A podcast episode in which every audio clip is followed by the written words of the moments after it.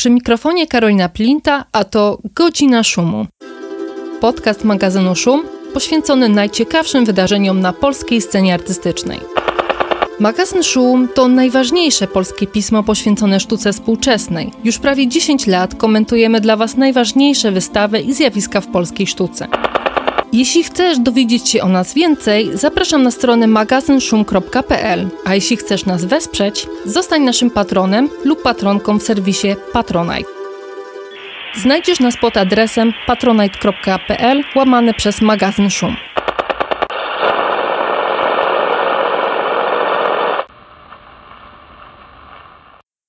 Witam Państwa, to 99. odcinek Godziny Szumu. Tym razem będę rozmawiać z Anetą Grzeszykowską, artystką i fotografką.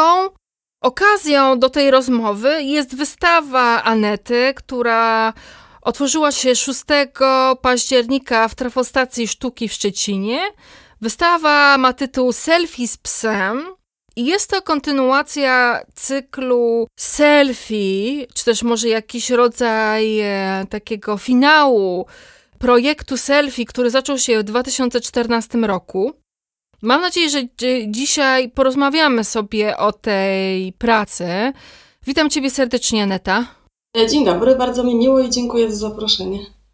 Może zanim przejdziemy do głównego tematu, teoretycznie głównego tematu, czyli selfie z psem, Chciałam cię, Ciebie spytać o sam cykl selfie. Jak wspomniałam już, zaczęłaś nad nim pracę prawie dekadę temu, w 2014 roku. I ciekawi mnie, jak to się w ogóle zaczęło, że e, stworzyłaś taki cykl. E, może też byś powiedziała trochę o tym, jaki w ogóle był pomysł na ten projekt. Faktycznie, tak jak mnie przedstawiałaś, e, no to można dodać do tego opisu rzeczy, którymi ja się zajmuję, jeszcze no, wykonywanie jakiegoś rodzaju obiektów, które no, można górnolotnie nazwać e, rzeźbieniem, tak? Więc ja mam takie poczucie, że te media e, też można uzupełnić o tę dziedzinę i faktycznie od samego początku pracując w fotografii, nie wiem, performatywnie lub robiąc filmy, jeszcze dodatkowo szyję. Wykonuję obiekty rzeźbiarskie przedstawiające, no nie wiem, albo jakieś moje autoportrety, albo portrety mojej córki. I stąd wziął się właśnie pomysł na pracę, o której będziemy rozmawiać, czyli na to selfie z 2014 roku. Mianowicie w pewnym momencie, szukając jakichś nowych e, materiałów, których mogłabym użyć w swojej pracy, e, no, zwróciłam uwagę na ten szeroko dostępny, supermarketowy produkt już, przedmiot, tak, e, dość niezwykły, w postaci po prostu takich e, odpadów z mięsa, czyli tej skóry, którą można kupić w zasadzie w, żadnym, e, w każdym supermarkecie. I historia zaczęła się w ten sposób, że kupiłam taki fragment, patrząc, czy jest możliwe technicznie opracowanie jakby jakiegoś fragmentu E, no nie wiem, obiektu ciała ludzkiego z tego e, materiału, czyli ze skóry zwierzęcej. I faktycznie e, wówczas zaczęłam od części bardzo małej, mianowicie palca, dokupując tips w drogerii i konstruując jakby taki przedmiot do złudzenia przypominający ludzki palec. On był fajnie wykonany, poprawnie wyglądający wyłącznie z jednej strony, więc wiedząc o tym, że za chwilę on się zepsuje, tak, postanowiłam udokumentować e, ten obiekt. Zrobiłam zdjęcie, trzymając go e, z kolei e, w lewej dłoni i skierowałam ten przedmiot do obiektywu w taki sposób, że ten cały szef i ta część, która była tą częścią taką niedoskonałą, techniczną, znalazła się po tej stronie niewidocznej dla widza. Potem zastanawiałam się, jak powinnam to rozwinąć. Tutaj oczywiście interesował mnie ten aspekt zmiany, tego przemijania tego, e, e, tego ciała, jakby w taką formę, no nie wiem, mm, odchodzenia od tego stanu takiej perfekcyjnej, e, perfekcyjnego wyglądu w stronę już psucia się tak zwanego. Więc e, rozważałam, nie wiem, robienie filmu czy jakiegoś podkładkowego dokumentu e, pokazującego proces ten, e, tego rozkładu, ale doszłam w pewnym momencie do wniosku, że to, co zrobiłam tak mimochodem żeby zapamiętać ten pomysł, w zasadzie jest najpełniejszą formą, która ukaże to, o co mi chodziło w tej pracy, czyli sfotografowanie tego jeszcze przed jakby tym rozkładem, w takim punkcie takiej, nie wiem, takiej potencjalnej, możliwie najpełniejszej prezentacji, tak? I potem jedynie uzupełniłam koncepcje o tła, które również wykonane są ze skóry, tylko już w stadium przedmiotu, bo skóry wyprawionej. I zrobiłam pracę y, składającą się z 18 fotografii przedstawiających różne części ciała, sfotografowane przez podtrzymujące mnie y, je ręce, moje własne, na właśnie tych wyprawionych już skórach kolorowych. I to był jakby początek, tak? A czy możesz wytłumaczyć te, ten tytuł selfie? No bo rozumiem, że to jest nawiązanie e, też do tej bardzo popularnej konwencji internetowego portretu selfie. U ciebie to nie do końca było selfie takie e, w klasycznym rozumieniu. Dlaczego zdecydowałaś się właśnie na taki tytuł? No bo jest to pewnego rodzaju autoportret, tak? E, wykonanie tego, e, tych fragmentów, no powiedzmy ciała artystki, no tak powiem z tej zewnętrznej perspektywy, mojego ciała, tak? Jest to, to słowo jakby zawiera tutaj to nawiązanie do słowa autoportret, ale jednocześnie istotna była dla mnie kwestia tego udostępnienia widzowi wyłącznie e, e, fragmentu obiektów, który jest dla mnie właściwy tak, do prezentacji. Czyli tutaj wydaje mi się, że jakby ten tytuł zbacza w ten rejon właśnie takiej autoprezentacji, która prezentuje wyłącznie to, co chcemy jakby e, widzowi pokazać. Jest to takie bardziej współczesne, tak? Podejście do tego tematu właśnie autoprezentacji w różnych mediach, choćby społecznościowych. I stąd e, E, taki pomysł. Tak? To, co ja prezentuję, to jest wizerunek tych rzeźb, ponieważ one nigdy nie były pokazywane w formie fizycznej w, żadne, w żadnej galerii, e, który jest e, według mnie najwłaściwszym obrazem do prezentacji, tak? czyli taka kontrola tego wizerunku. I stąd tytuł nie autoportret, tylko selfie. Czy można powiedzieć, że te zdjęcia to były rodzaj gry z jakąś iluzją też portretu? właśnie z takim ukrywaniem tego, co jest niedoskonałe yy, i pokazywaniem jakiejś wykreowanej rzeczywistości? Można tak powiedzieć, do tego stopnia, że wręcz one są, te obrazy wykonane z wykorzystaniem pewnych takich trików e, związanych z iluzją, mianowicie na przykład części w postaci piersi nie są trójwymiarowe, tylko są e, namalowane jakby farbami do makijażu, które pod odpowiednim jakby kątem, z odpowiedniego ustawienia obiektywu, faktycznie zaczynają e, sprawiać wrażenie trójwymiarowych. Więc tak, to jest troszeczkę właśnie o tym, no nie wiem, o, o wizerunku, tak? O tym, że to, czym jest według mnie wizerunek, to taki obraz, um, który jest w 100% kontrolowany. I tak, tutaj ta cała część techniczna, która oczywiście też w kontrolowany sposób ujawnia się jakby w ramach tych kadrów, które ja widzowie przedstawiam, jako pewnego rodzaju, no nie wiem, no taka, taka prowokacja, tak? Jednak wszystko to, co widz ogląda, nie może tego obejść. Widzi to wyłącznie z punktu widzenia, który jest dla mnie E, istotny, tak? I który ja chcę mu pokazać. Więc troszeczkę tutaj mowa o kontroli nie tylko nad obrazem, ale też o przyjęciu kontroli nad spojrzeniem widza. Też zastanawia mnie to, że to jest portret, mówi, że to jest portret artystki. No i ty w swojej sztuce bardzo często siebie portretujesz na różne sposoby.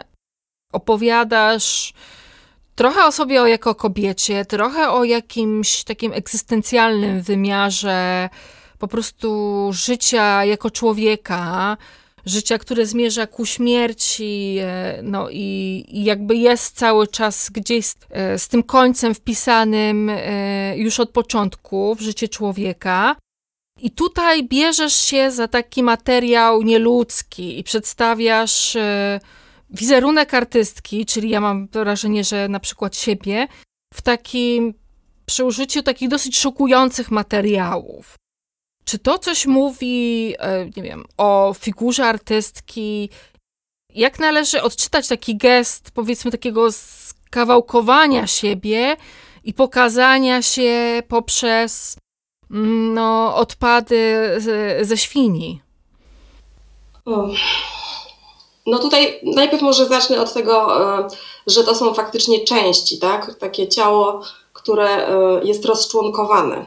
I dla mnie tutaj też jest taki, no nie wiem, ciekawy z mojej perspektywy aspekt, dlatego że e, pokazanie tego ciała w ten sposób nie do końca jakby określa, w którą stronę nastąpił ten proces, tak? Czy to jest ciało dopiero tworzone, czy ciało rozczłonkowane, tak? Więc tutaj ten element takiego zawieszenia pomiędzy e, tymi, tymi dwoma ścieżkami interpretacji jest dla mnie e, bardzo interesujący i wręcz nie chcę tego dopowiadać, tylko właśnie znowu mówimy tutaj o tym pokazaniu momentu, który no, jest e, czymś przejściowym, tylko że interpretacja tego, którą stronę ten proces będzie przebiegał, już zależy od widza. Tak? To jest pierwszy aspekt. Więc stąd tutaj to rozczłonkowanie. Było to dla mnie jakby takim zabiegiem.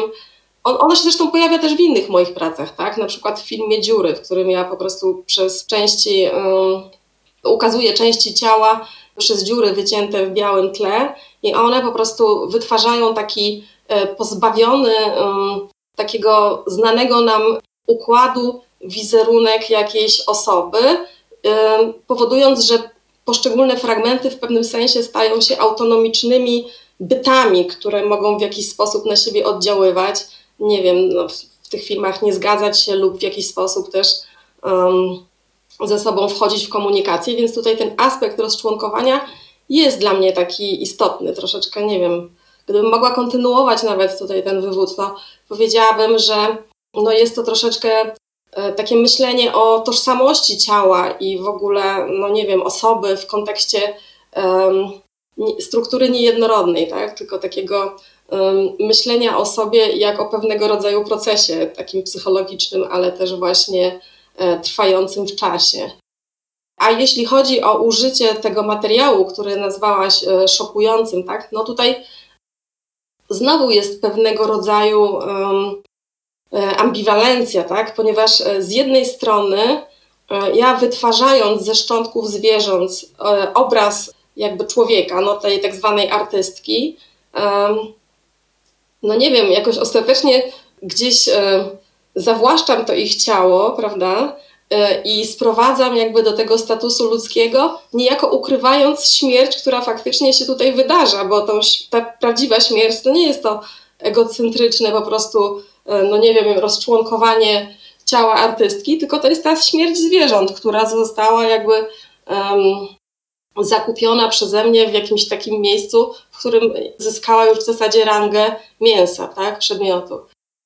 Więc, e, więc tak, więc w jedną stronę e, tak to działa, ale z drugiej strony mam takie poczucie, że mm, użycie jakby tej skóry zwierząt do tego, żeby przedstawić to ludzkie ciało, powoduje, że paradoksalnie nam łatwiej po prostu zidentyfikować się jakby z tą śmiercią, tak? Czyli to działa też w tę stronę takiego, no nie wiem, y, potraktowania jakby tych szczątków w taki sposób y, bardziej podmiotowy, tak? I tu już znowu nie chciałabym określać jakby, która z tych dwóch interpretacji jest mi bliższa, dlatego że e, sposób, w jaki ja pracuję pod, e, pod względem merytorycznym, nie polega na definiowaniu jakichś konkretnych odpowiedzi i interpretacji, tylko wręcz mam zawsze taką, e, takie podejście do tego, co wytwarzam, że jest to właśnie to zadawanie pytań, które mogą być dopiero, no nie wiem, odpowiedziane na dalszym etapie jakiejś konsumpcji intelektualnej mojej pracy. Mhm. No, e, selfie zaczęło się 9 lat temu. W międzyczasie miałeś dużo realizacji podejmujących temat twarzy na bardzo różne sposoby. E, ja tak sobie starałam trochę przypomnieć, co robiłaś, no i wiesz, zapisałam sobie, że no wiem, miałaś cykl Beauty Mask albo Facebook, tylko że tam zawsze to jest troszkę inaczej, że nie operujesz tą, tym materiałem świńskiej skóry, ale zajmujesz się twarzą w jakichś innych aspektach.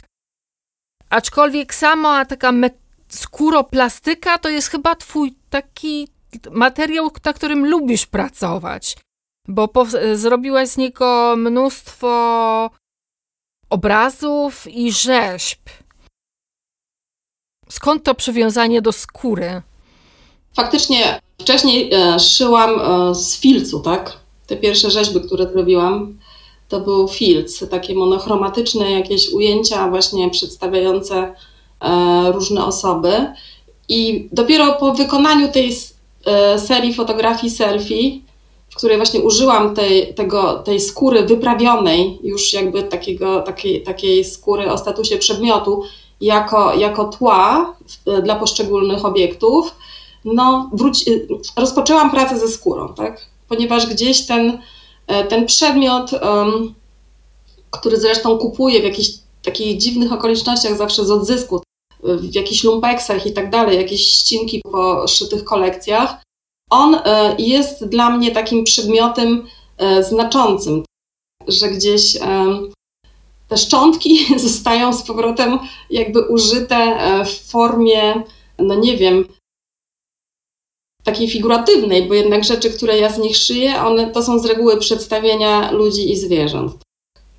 I, tak, lubię ten materiał, chociaż pod względem jakby technicznym przyznam, że to wcześniejsze szycie z wełny i z filcu było dużo łatwiejsze. Skóra jest bardzo trudna do pracy, ponieważ e, wymaga faktycznie e, takiej konkretnej konstrukcji, ponieważ jest, nie jest sztywna i gruba, więc mm, no, jest to taka praca bardzo, um, bardzo konstrukcyjna.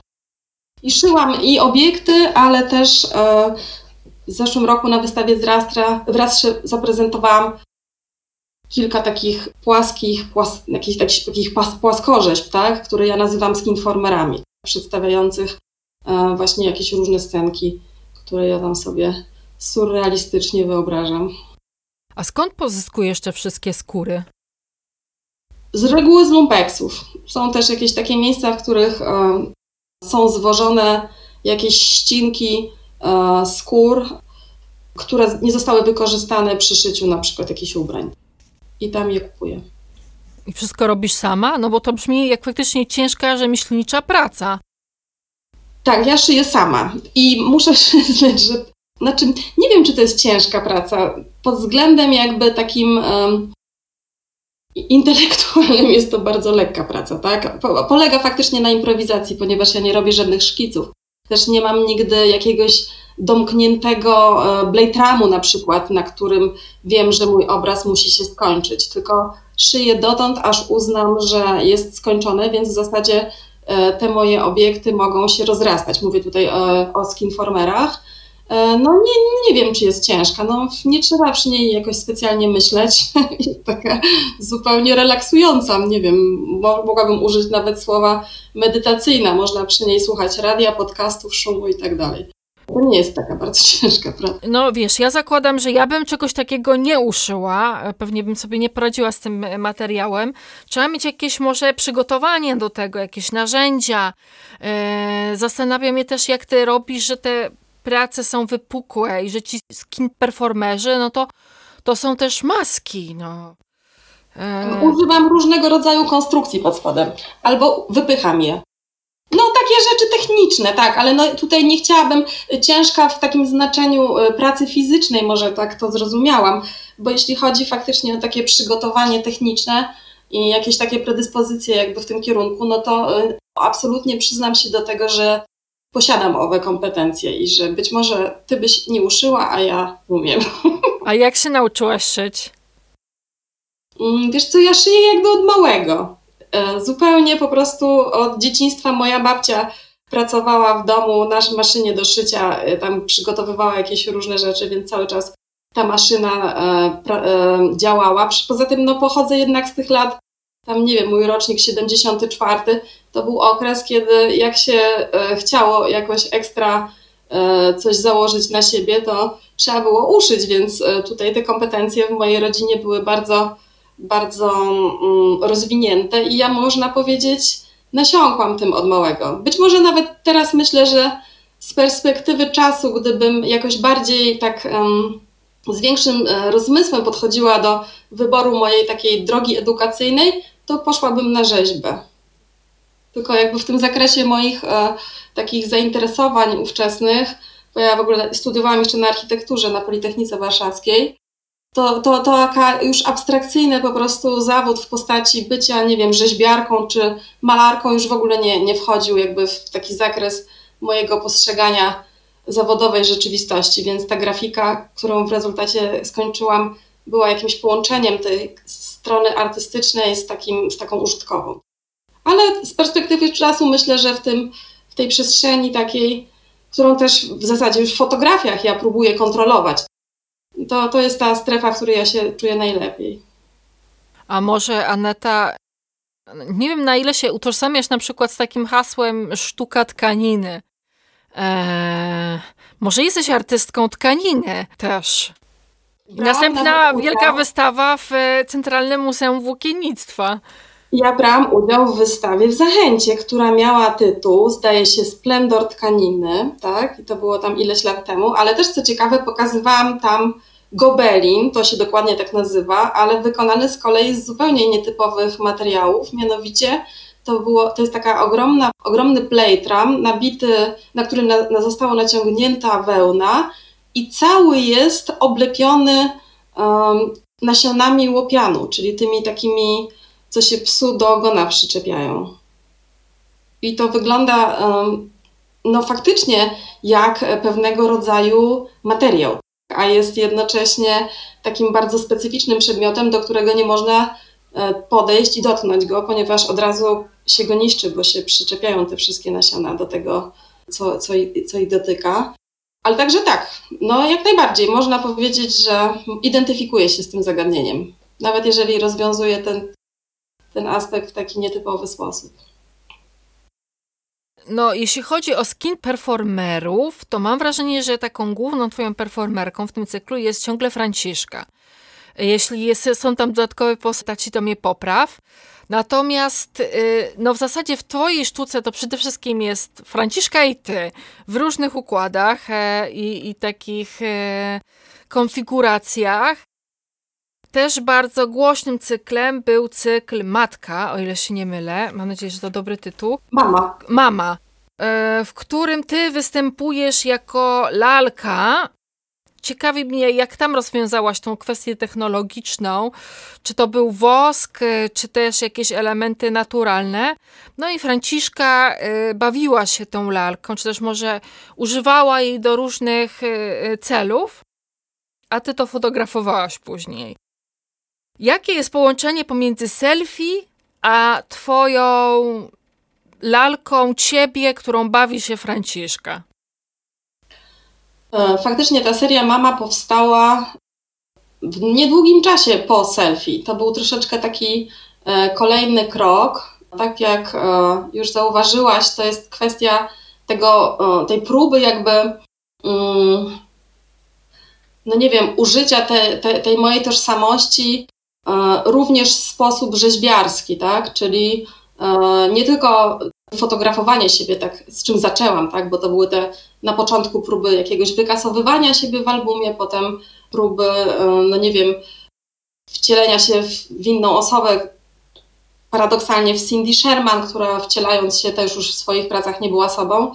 E, potem właśnie to selfie, gdzie ja faktycznie zdejmuję tę skórę z siebie, gdyby to tak dosłownie potraktować, i stając na zewnątrz po prostu próbuję e, ją sfotografować. I kolejnym etapem było właśnie zrobienie przeze mnie tego odlewu siebie i była to praca wykonana na wystawę, którą miałam w Sopocie, kuratorowaną przez Adama Mazura. I e, tam po raz pierwszy się pojawia ten obiekt w formie fotografii ukazujących proces jego powstania. A nie zrobiłam go sama, tylko zleciłam firmie, która zajmuje się wykonywaniem rekwizytów na potrzeby filmów, co było też bardzo dla mnie interesujące, że gdzieś wprowadzam siebie w tą e, swoją rzeczywistość w formie takiego filmowego troszeczkę rekwizytu, co przy podejściu do e, tych kwestii osobistych związanych z życiorysem, które ja wykorzystuję w swoich pracach, ma w pewnym sensie znaczenie, tak? ponieważ to, to jest to traktowanie tej takiej ścieżki życia w sposób taki, no nie wiem, scenariuszowy. I co się dalej wydarzyło?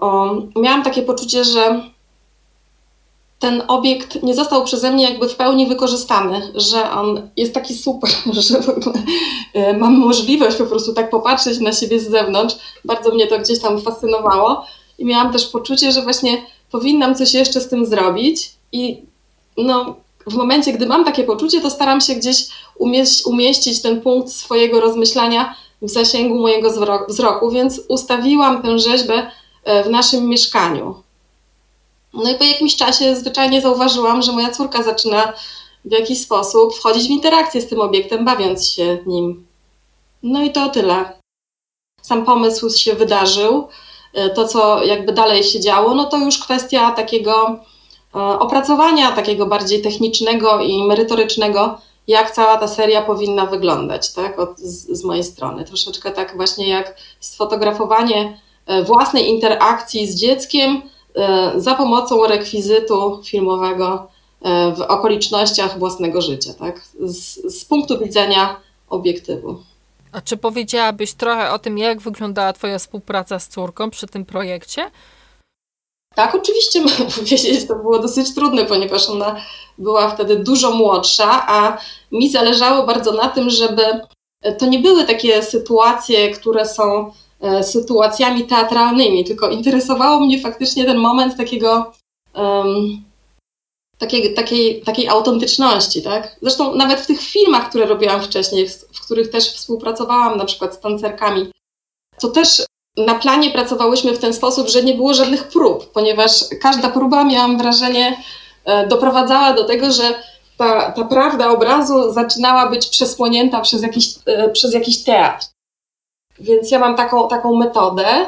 No i co za tym idzie, ta praca um, z Franką była bardzo trudna, ponieważ e, małe dziecko takiego zainteresowania dla danej czynności, która się tam odbywa, no to tam, tam ma, no nie wiem, minutkę, czy tam nawet troszkę mniej, więc troszkę tutaj się wcielałam w takiego bardzo szybkiego, e, po prostu sprawnego taką bardzo szybko, szybką, sprawną fotoreporterkę, która próbowała w tym krótkim czasie no, uchwycić e, taki obraz, który, który będzie mnie artystkę satysfakcjonował, tak? Więc na tym polegała ta praca.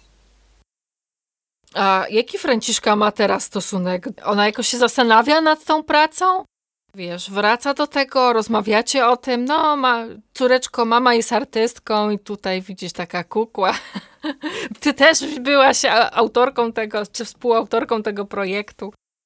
No właśnie to jest taki, takie zagadnienie, takie ciekawe. Myślę, że właśnie często jestem pytana o to, tak? Jak tutaj w momencie, kiedy mm, te rzeczy się rozgrywają e, w tym, e, w tym zakresie domu, tak? To jak tutaj pozostali domownicy. No, no nie wiem, już mówiłam o tym wcześniej, że my nie, my nie mamy, Jasiek też przecież jest artystą, projektantem, mhm. my nie mamy w ogóle takiej figury w domu e, rodziców artystów. Gdzieś zupełnie, ja, ja w ogóle mam takie podejście do, do mojej pracy, bardzo takie zawodowe.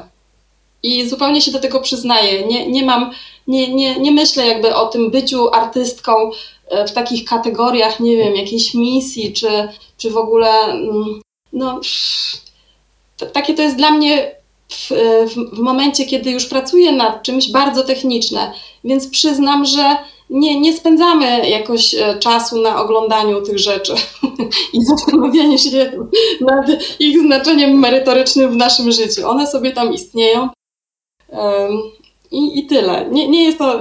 Poza tym też e, już nawet nie będę tutaj opowiadała o córce, ale o sobie. W momencie, gdy te rzeczy oddzielają się jakby ode mnie, to też mam wrażenie, że ja zaczynam być widzem. Bardzo ciekawi mnie zawsze to, co inni na ten temat myślą. To jakby poszerza jakby mój punkt, e, no nie wiem, myślenia o tym, co, co powstało, bo oczywiście w trakcie to nie jest tak do końca możliwe, żeby wszystkie te wątki zawczasu w swojej głowie uruchomić. E, także e, ja się tak rozdzielam i tak sobie potem jestem już właśnie takim obserwatorem tego. Czasami to też jeszcze tylko mogę taką ciekawostkę dodać.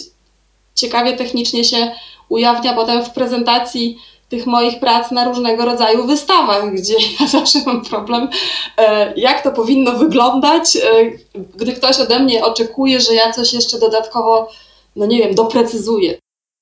E, I na przykład w przypadku tej pracy album były wytwarzane jakieś scenografie, w ogóle takie imitujące mieszkanie, po to, żeby to było tak jak na biennale. Dla mnie to jest kompletnie bez znaczenia, ponieważ ta praca już się zawiera w tym obiekcie, który ja wytwarzam. I to, co się potem z nią dzieje, to już jest e, następny etap, którego ja już nie muszę kontrolować.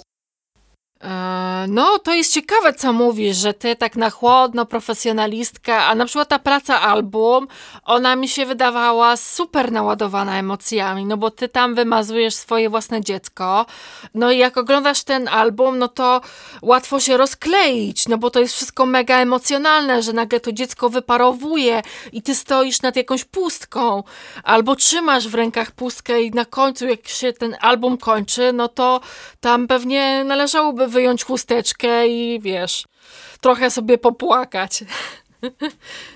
No tutaj też podejście jakby do tej pracy mojej było takie um, troszeczkę jak e, w tym cyklu, który mamy dzisiaj omawiać, tak? Czyli e, ja wykorzystuję te rzeczy, które wymyśliłam wcześniej i poddaję je no, dalszej pewnego rodzaju analizie, tak? E, I tak, no tutaj masz rację, faktycznie przeniesienie w ogóle tego obiektu nieistnienia na na córkę, no było dla mnie też faktycznie przejmujące i tu mnie złapałaś, przyszpiliłaś mnie i faktycznie e, to było dla mnie trudne. Zresztą za każdym razem, gdy coś robię, mam poczucie też takiego ryzyka, które podejmuję, tak? I zastanawiam się właśnie nad tym znaczeniem, które, które zostaje tutaj wytworzone. Mm. No, ta praca jest specyficzna. Drugą taką pracą, którą e, mogłabym do tego porównać, to jest praca też e, z 99 roku, związana z szyciem, tak? Ponieważ ja zrobiłam e, dokumentację oka mojego brata, które, które po prostu spowodowałam wypadek, także on stracił pełne widzenie w tym oku, szyjąc lalkę, gdy miałam 18 lat. I tutaj miałam takie poczucie pewnej takiej bezwzględności, o której mówisz, tak? czyli tego zimnego kalkulowania, e, które doprowadza do tego, że taki no, dramatyczny jakieś e, wydarzenie z życia staje się takim suchym artefaktem. Takim, takim troszeczkę odzyskaniem kontroli nad tą rzeczywistością poprzez wykorzystanie jej we własnej pracy. Co nie zmienia faktu, że praca ta, pozornie zimna, ona jest właśnie naładowana emocjami, tak, moimi i taką próbą takiego wzięcia tych, wzięcia tych emocji w takie, w takie ramy funkcjonalności. Więc tak. Mm, no tak, i na zimno przechodzimy do cyklu, w którym zapowiadasz koniec selfie. I też jest to takie dosyć, może nie jest to tak przejmujące jak zniknięcie córki, ale jest też coś takiego zastanawiającego, no bo na tym cyklu y, jakby znowuż wracasz do skór i do twarzy zrobionej ze skóry. Jakoś tak sobie dopowiadamy, że to jest ta twoja twarz, twarz artystki, twarz jakiejś bohaterki. No i ją zżera pies. Mm, no i znowuż pytania, dlaczego y, tak dramatycznie Dlaczego teraz się żegnasz z tym ty cyklem? Dlaczego w ogóle się z nim żegnasz? Czy faktycznie to jest e, takie prawdziwe pożegnanie? Czy może zaraz będzie kolejne pożegnanie z cyklem selfie? Eee, no i co to jest za pies? Mm, no więc tak, e, tutaj zacznę od, od takich rzeczy technicznych związanych z pracą, bo one no, są dla mnie takim um, pełnym takich jakichś merytorycznych też um, znaczeń procesem, tak? no co tu się wydarzyło? Mm, faktycznie po wykonaniu tej pierwszej serii z 2014 roku, Selfie, e, większość z tych obiektów się zniszczyła, one się popsuły. Ale dwa mi zostały, dwie maski. I e, zapakowałam je na strych do takich pudełek tekturowych i one sobie tam schły. I um, przy okazji tej zeszłorocznej wystawy w Rastrze, no Łukasz Gorczyca y, zapytał, czy nie chciałabym czegoś zrobić jeszcze przy okazji, bo oni robią jakąś edycję. A ja, ponieważ jak, już się przyznałam, mam taki zawodowy stosunek jednak do tej profesji, Teraz oczy stwierdziłam, oczywiście, no skoro tutaj jest propozycja, to bierzemy się do roboty. I poszłam tak e, na ten strych, wyciągnęłam te, te maski z pudełka, zastanawiając się, że no może teraz przyszedł na nie czas, co by tu z tym zrobić. I w tym momencie, takie super ciekawe zdarzenie, też tak mam je w, głowie, gdy o tym opowiadam, to takie śmieszne e, było, że się tak samo stało. Podbiegły do mnie faktycznie moje dwa psy, Teodor i Tereska, żeby wyjść na spacer. I tak pamiętam to swoje spojrzenie na nie e, poprzez te ręce moje trzymające te maski. Oczywiście ten obraz od razu mi się złożył e, w, w możliwość, tak? I wykonałam serię fotografii przedstawiającą e, te moje psy, pozujące w maskach z tej serii selfie. Nazwałam to zwierzęta domowe. I no, praca jest taka takim troszeczkę nietypowym odwróceniem, tak? ponieważ no, w tej konwencji takiego e, fotografowania czy przedstawienia e, takich hybryd ludzko-zwierzęcych, no to z reguły człowiek nosi tę maskę zwierzęcia, tak? A tutaj sytuacja jest odwrotna, ponieważ e, jakby zwierzęta noszą na, na, na swoich twarzach te e, twarze ludzkie, tak? No te, te takie domniemane moje autoportrety z przeszłości. I bardzo ciekawie też zauważyłam, ta relacja pomiędzy y, moimi psami zaczyna po prostu funkcjonować w tych, w tych kostiumach, tak, nazwijmy to. I znowu kwestie techniczne. Podczas samego fotografowania, no oczywiście one miały te maski założone w taki bardzo, bardzo tymczasowy sposób. I one bez przerwy to ściągały, i ponieważ była to ususzona skóra, przypominająca takie smaczki dla, dla psów ze sklepów zoologicznych, to musiałam bez przerwy pilnować, żeby mi tego gdzieś w krzakach nie pożarły. Ponieważ bardzo, bardzo chciało to zrobić. A ja chciałam skończyć swoją serię, więc po prostu pilnowałam, żeby to, to nie, nie, nie zaszło przedwcześnie. No i potem nagle kolejny taki etap, no nie wiem, jakiegoś takiego spostrzeżenia twórczego. Stwierdziłam, że w sumie to jest świetny pomysł, żeby ta historia się domknęła w ten sposób, że e, te uszyte przeze mnie obiekty staną się z powrotem tym, czym były, czyli w zasadzie tym pożywieniem. I uznałam, że psy świetnie wymyśliły mi pracę. Wykonałam kopię obiektów tego 2014 roku i sfotografowałam um, Tereskę konsumującą te obiekty. Już w, selfie, w, se, w serii selfie z psem. Czyli historyczne selfie z 2014 się zachowały, tak. Jeszcze, a pies pożera... E, kopię jakby, tak. Kopia. No i nie wiem, co tutaj jest dla mnie takiego ciekawego. Rozmawiałyśmy przed chwilą o tej serii Mama, tak? Ty pytałaś, co moja córka na to, co ona jakby myślała w momencie, kiedy performowała tak naprawdę tę serię. I dla mnie wtedy już bardzo interesujący był ten aspekt pewnego rodzaju nieświadomości, tak? Czyli e, czynność, która jest wykonywana przez dziecko, czyli ta zabawa, tak? Z punktu widzenia e, takiego szerszego e, od strony sztuki staje się no, pewnego rodzaju, no nie wiem, performancem, tak? który my postrzegamy z perspektywy własnych doświadczeń i jakiegoś rozumienia.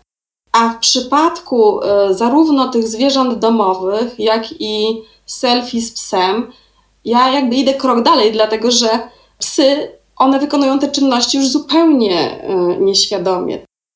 I dla mnie to jest jakby pod względem takiej, takim, nie wiem, takiej metafory pewnego rodzaju, może egzystencjalnej, no troszeczkę taka próba spojrzenia również na to nasze bycie tutaj i wykonywanie tych wszystkich czynności, tak jakby było, e, znaczenie tego nie było dostępne jakby z naszej perspektywy. Tak troszeczkę myślę o tej pracy.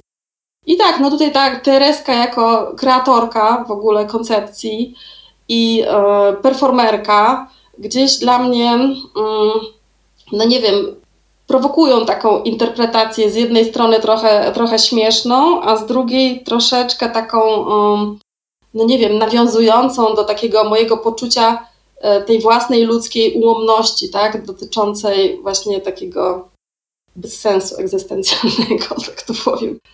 Ciekawi mnie to, że dużo Twoich prac oscyluje wokół tego tematu, czy krąży wokół tematu właśnie egzystencji, jakiejś śmierci. Przemijania, no, na różne sposoby. Ty mówisz, że to robisz tak z reguły na zimno, no ale jednak zajmujesz się tym tematem. E, powiedzmy, że nie każdy miałby ochotę na takie funeralne e, kwestie i zagadnienia i je wałkować wciąż. Na ty cały czas, cały czas ten wizerunek, reprezentacja, jakieś życie, śmierć, nieświadomość nasza. No powiedzmy, że jakbym była osobą głęboko wierzącą, no to wtedy bym stwierdziła, że no ola Boga trzeba pójść się pomodlić, no ale jeśli na przykład nie jesteśmy głęboko wierzące, to to są takie pytania raczej ciężkie, no bo zderzające nas z kwestiami, na które nie mamy żadnej odpowiedzi sensownej. I e, nie jest ci na przykład, nie wiem, ciężko, Zastanawiam się, skąd u ciebie takie cały czas werto, wiesz, nurtowanie tych e, tematów. No na pewno jest to jakaś skłonność psychologiczna, zdecydowanie. E, co ja, co ja czuję? Ja mam takie poczucie odzyskiwania kontroli, e, dlatego że faktycznie w momencie, kiedy przynajmniej wykorzystam jakby ten, te tematy, które gdzieś tam no, są dla mnie, jak widać, um, przejmujące we własnej pracy, to mam poczucie, że no przynajmniej teraz w jakiś sposób spożytkuję tę niepewność, tak? Więc tutaj jest znowu o kontroli. Troszeczkę tak jak o tym oku brata, o którym opowiadałam przed chwilą.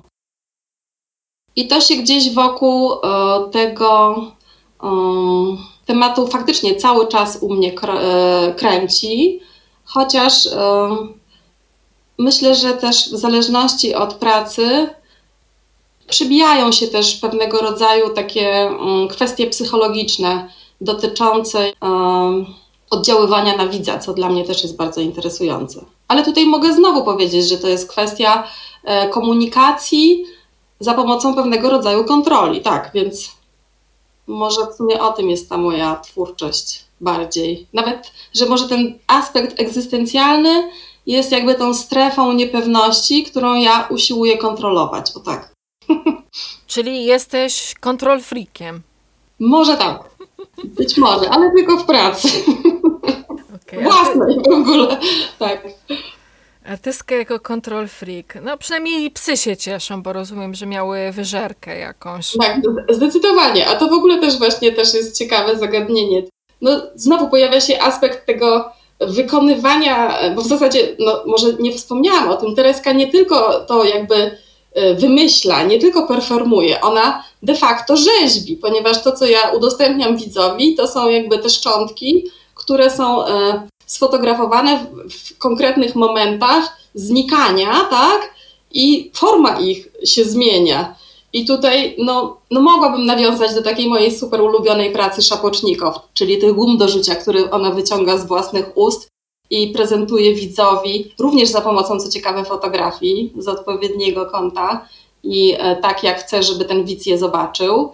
Więc tutaj ta, e, ten element zębów jako narzędzie twórcze był dla mnie taki e, interesujący, ale też pewnego rodzaju funkcjonalność tych obiektów, ponieważ no, mam takie poczucie, że to, co było w 2014 roku, po prostu się zepsuło. Ja to wyrzuciłam. A tutaj również to sfotografowałam, a przy okazji pies to zjadł, więc tak, no tak, trochę tak o sztuce też, tak? O takim pytaniu, e, o takim zastanawianiu się, że, że, że ja w zasadzie e, decyduję, co, co tą formą e, odpowiednią i kto jest i, i, i kto po prostu ma na nią wpływ, kto ją produkuje, tak? No właśnie, ja tutaj przypominają mi się moje czasy studenckie, jak siedziałam w takich teoriach animalistycznych, że zwierzęta też tworzą sztukę, e, nie wiem, malujące słonie trąbami i tak dalej, wszystko to mnie fascynowało. E, e, no, ale później trzeba sobie postawić pytanie, w jakim chyba kierunku idziemy. Czy na przykład, że te zwierzęta jednak są nieświadome, czy nie? No, one są artystami i tam, nie wiem, te obrazy właśnie tworzone przez szympansy to jest sztuka. W którą ty byś kierunku szła? No, przede wszystkim moje psy nie tworzą obrazów, tylko jedzą, tak? To jest zasadnicza różnica. I to ja tylko nazywam to po prostu y, obiektem rzeźbiarskim, Więc nie, ja tutaj bym uznała, że zwierzęta pozostają nieświadome i nie chciałabym ich w żaden sposób personifikować, ponieważ uważam, że taka personifikacja jest paradoksalnie takim współczesnym antropocentryzmem, tak, że one muszą być upersonifikowane, żeby były nam równe. Więc ja raczej tutaj szanuję w ogóle to, czym one są, że to są zwierzęta i to jest zupełnie dla mnie wystarczające. To ja jestem twórczynią i ja stwierdzam, że to ich jedzenie jest rzeźbieniem, ale nasze światy po prostu przenikają się na, na zasadzie postrzegania tego świata z innej perspektywy, tak? Co jest też dla mnie ciekawe, że ja próbuję za każdym razem tutaj wyjść poza tą swoją subiektywną percepcję i stanąć na zewnątrz. Więc tutaj te wątki też się gdzieś e, pojawiają. Nie, moje, moje zwierzęta są nieświadome, nie są, nie są tak. Nie są ja je po prostu. Okej. Okay. Ja bym chciała jeszcze podejść do tego hasła koniec selfie, nie tylko jako myśląc o samym przedmiocie, czyli maskach zrobionych ze skóry, ale też ta, tym haśle selfie, który bardzo mi się kojarzy z mediami społecznościowymi. Zresztą twój projekt już od początku był kojarzony, że jak używasz tego słowa selfie, no to wiadomo, że chodzi o to instagramowe selfie, o to selfie z Facebooka, o ten wizerunek medialny. I czy ty kończąc selfie, chcesz nam też powiedzieć, zasugerować coś innego? Że skończyła się epoka selfie? Że robienie sobie selfie już jest passe, czy może zmieniło swoje znaczenie. Ciekawi mnie też Twoje podejście do tej strony medialnej, tego zalewu wizerunków w sieci i tak dalej. To znaczy, czy, czy moje skończenie tego jest e, pewnego rodzaju diagnozą trendu, tak? Albo manifestem. Mówisz, że Ty masz już dosyć selfie. Też tak trochę odczytuję. Ale może to jest błąd. Um, no nie, myślę, że nie ma końca, że to się w ogóle dopiero rozkręca. Ja mam trochę już tego dosyć, faktycznie. Nie wiem, co będzie dalej, czy to jest zapowiedź czegoś nowego, e, ponieważ za każdym razem, gdy coś kończę, to mam poczucie, że już nic więcej nie zrobię, więc akurat jestem w tym momencie w tym miejscu. Pewnie się teraz e, z desperacji wezmę za szycie znowu, tak? które nie jest takie bardzo konceptualne, właśnie jest łatwiejsze i, i mogę sobie tak e, przeczekać ten okres przed czymś nowym. E, nie, nie, właśnie myślę, że nasz świat już zupełnie jakby idzie w stronę tego wizerunku. Czytałam jakieś różne artykuły dotyczące tego, że ludzie w zasadzie przychodzą do lekarzy medycyny estetycznej e, prosząc, żeby spreparowali je, ich twarze w taki sposób, że wyglądały jak po zastosowaniu filtrów, tak? Więc ten świat, przyznam, jest dla mnie fascynujący. E, z jednej strony lekko przerażający, z drugiej strony trochę śmieszny, ale też obie, oba te, obie te emocje e, to są te e, rzeczy, które ja w swojej własnej twórczości próbuję jakby stosować, tak? Czyli, że to jest zawsze trochę śmieszno-straszne, więc z, z wielkim po prostu zainteresowaniem oglądam tę współczesność, która jakby na naszych oczach się wydarza i nie, to nie jest, e, to jest po prostu koniec z moją, e, z tą pracą konkretnie, tak? Mhm. Powiedzmy, że skończyłam, użyłam jakby tutaj e, pracy, która powstała wcześniej, też wprowadziłam w to spektrum mojego świata moje zwierzaki i zobaczymy, co będzie dalej. Nie wiem co. Może jakaś sztuczna inteligencja. To teraz jest modne bardzo.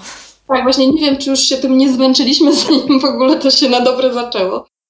Nie sądzę, no ale tak jak mówię, nie, nie, mam, nie mam takiego planu, raczej działam bardziej spontanicznie, więc jeżeli pytasz, co będzie następne, to na razie jest koniec. Mhm, dobrze. Albo ciąg dalszy nastąpi raczej. Koniec jakiegoś etapu. Dobrze, Aneta, dziękuję Ci serdecznie. Trzymam kciuki za kolejny etap i kolejny projekt, który Myślę, że się pojawi, ponieważ jesteś profesjonalistką. Wystarczy ci dać się ten haczyk i ty już tam paps. Będę się rozglądać, zobaczę, może coś do mnie podbiegnie z jakąś sugestią. Tak.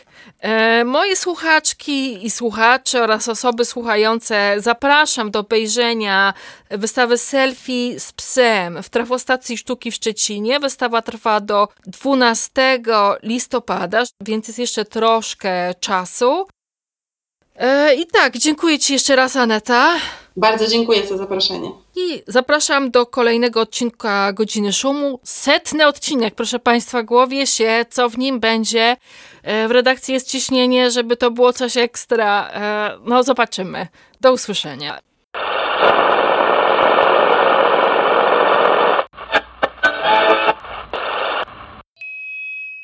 Dziękuję za wysłuchanie kolejnego odcinka podcastu Godzina Szumu. Na następne zapraszam za dwa tygodnie. Szukaj nas na popularnych platformach streamingowych. Możesz też wesprzeć naszą działalność w serwisie Patronite, gdzie funkcjonujemy pod adresem patronite.pl łamane przez magazyn Szum. A jeśli chcesz dowiedzieć się więcej o sztuce współczesnej w Polsce, zapraszam na stronę magazynszum.pl. Do usłyszenia!